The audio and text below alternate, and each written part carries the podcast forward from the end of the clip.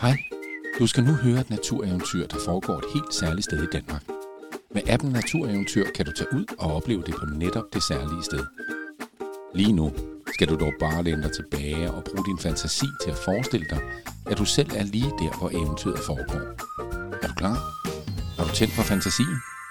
Så går vi i gang. Kapitel 1. Flaskeposten. Velkommen til skoven her ved Svendborg Naturskole. Der er ikke mange, der ved det, men engang boede der et skovfolk her i skoven. Skovfolket levede godt og længe, fordi den gamle, kloge kone Silva lavede den mest udsøgte æblemost, som kunne gøre de syge raske igen. Skovfolket elskede normalt at gå på eventyr under trækronerne, men nu havde ingen af dem været i skoven i flere dage. Der skete mærkelige ting derinde. Træer væltede uden grund, jorden rystede, og mærkelige brøl kunne høres ude fra den dybe kløft. Ingen turde gå ind i skoven, så nu sad de dag ud og dag ind her ved deres lejrplads. Skovdrengen Ask kedede sig noget så forfærdeligt, så han var gået ned til vandet for at kigge efter krabber. Han vendte hurtigt tilbage, for han havde nemlig fundet en flaskepost. Hvem er det fra? spurgte hans bedste ven Pil ivrigt, mens Ask pillede det lille stykke papir ud af flasken. Det er fra Juliane, udbrød han. Pil og Ask elskede Juliane, som sejlede omkring på de syv have med den berygtede sørøver, kaptajn Fanø. I brevet stod der, Kære skovfolk, vi er i nød på havet. Gamle kaptajn Fanø har fået ondt i maven. Vi har ikke andet end tørre kiks at give ham, og det gør kun ondt værre. Kan I sende noget af jeres magiske æblemost? Kærlig hilsen, Juliane. Så må vi jo ind til Silva, sagde Ask med en gysen. Den gamle, kloge kone boede for sig selv i en hytte i skoven, men det var kun hende, der kunne lave den magiske æblemost. Sammen sne Ask og Pil sig væk fra lejrpladsen og ind i skoven. Kapitel 2. Det væltede træ og den lille mus. Se, der er væltet et træ, sagde Ask og knudede Pils hånd. De kunne begge mærke, hvordan hårene rejste sig på armene, for det havde ikke stormet i månedsvis. Det måtte altså være noget andet, der havde væltet træet om kul. Hvad laver I her? Pep en stemme fra skovbunden, og Pil kiggede ned. En lille mus stak hovedet frem fra et hul i træets rod. Hej, lille mus, sagde Pil, og fortalte så, at de var på vej ind til Silva for at skaffe noget magisk æblemost til den nødstede kaptajn Fanø. Er I helt sikre på, at I vil ind i skoven? spurgte musen. Der sker mystiske ting derinde. Ask og Pil nikkede. De ville gerne hjælpe Juliane, som var den sejeste søfar, de kendte, og en kær ven af skovfolket. Ja, ja, så må jeg vel hellere gå med jer, sagde musen med et dybt suk. I skal nemlig finde nogle helt særlige blade, hvis Silva skal velsigne æblemosten og sende den langt ud på havet til kaptajn Fanø, sagde musen og kravlede op i Pils hånd.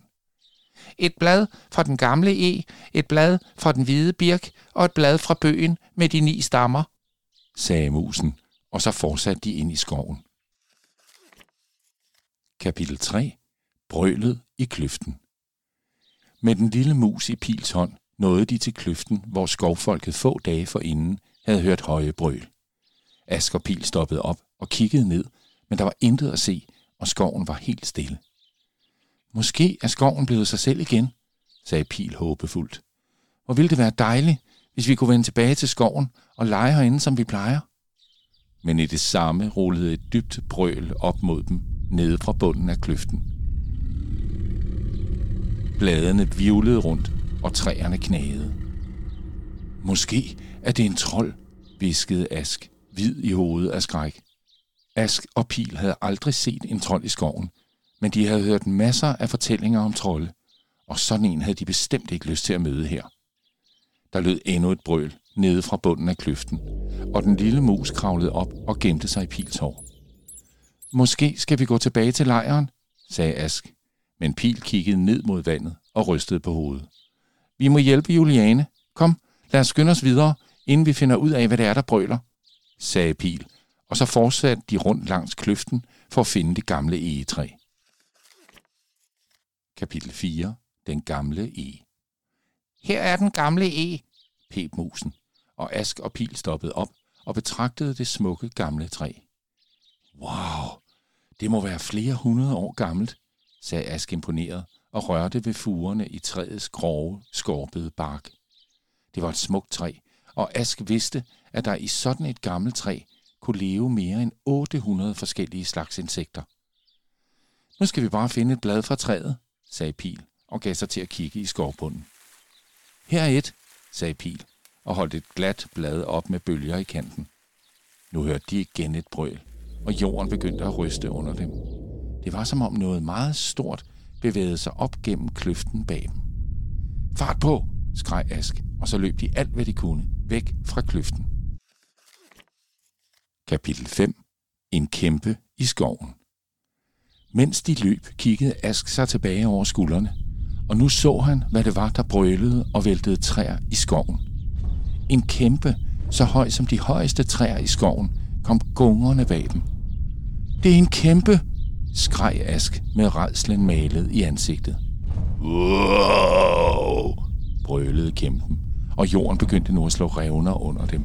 Et træ faldt hen over stien foran dem, og det var lige med nød og næppe, at de ikke blev ramt. Skynd dig! Spring over! råbte Pil, og så sprang de over på den anden side af træstammen.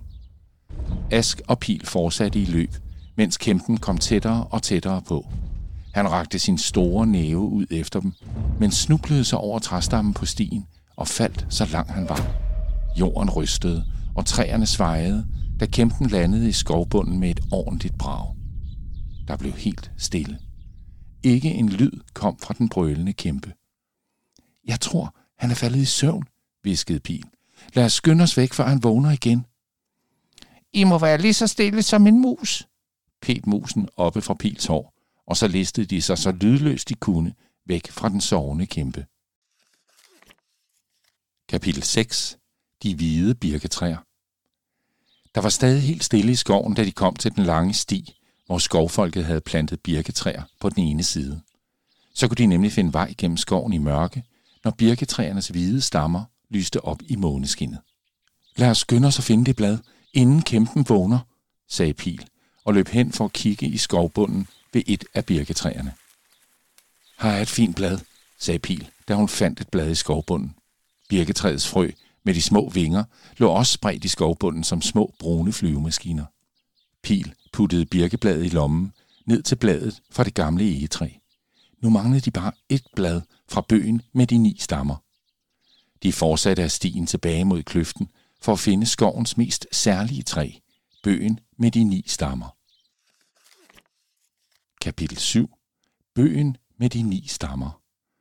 Ah, mit yndlingstræ, pep musen tilfreds, da de kom hen til den imponerende bøg med de ni stammer. Den nistammede musebøg. Det er mine forfædre, der har plantet dette smukke træ, sagde musen stolt. De samlede ni dejlige bog og gravede dem ned lige her, og siden spirede alle ni bog, og frem voksede dette smukke træ med ni stammer. Pil gik ind mellem stammerne og kiggede op i de ni trækroner, og så bukkede hun sig ned og fandt et ægformet blad med en jævn kant. Ask kom nu også ind mellem stammerne, og de stod lidt og kiggede ud på stien under dem. Nu havde de samlet alle tre blade, og de var klar til at finde Silvas hytte. De vendte sig rundt, og det føltes som om blodet frøs til is i deres år. Lige bag dem stod kæmpen. Uah, ja, sagde kæmpen med en dyb stemme og lagde sin store næve mod sit bryst. Pil sank en klump og trådte sig ud fra stammerne, kiggede op på kæmpen og lagde hånden på sit bryst. Pil, sagde hun og vinkede af Ask. Han trådte frem og gjorde som Pil. Ask, sagde han, og kæmpen nikkede. Så begyndte de forsigtigt at gå videre mod Silvas hus, og kæmpen fulgte med dem med lange, tunge skridt. Kapitel 8. Den mørke skov. Vi skal ind her, sagde Ask og stoppede op, da de havde gået et lille stykke langs den mørke, tætte grænskov.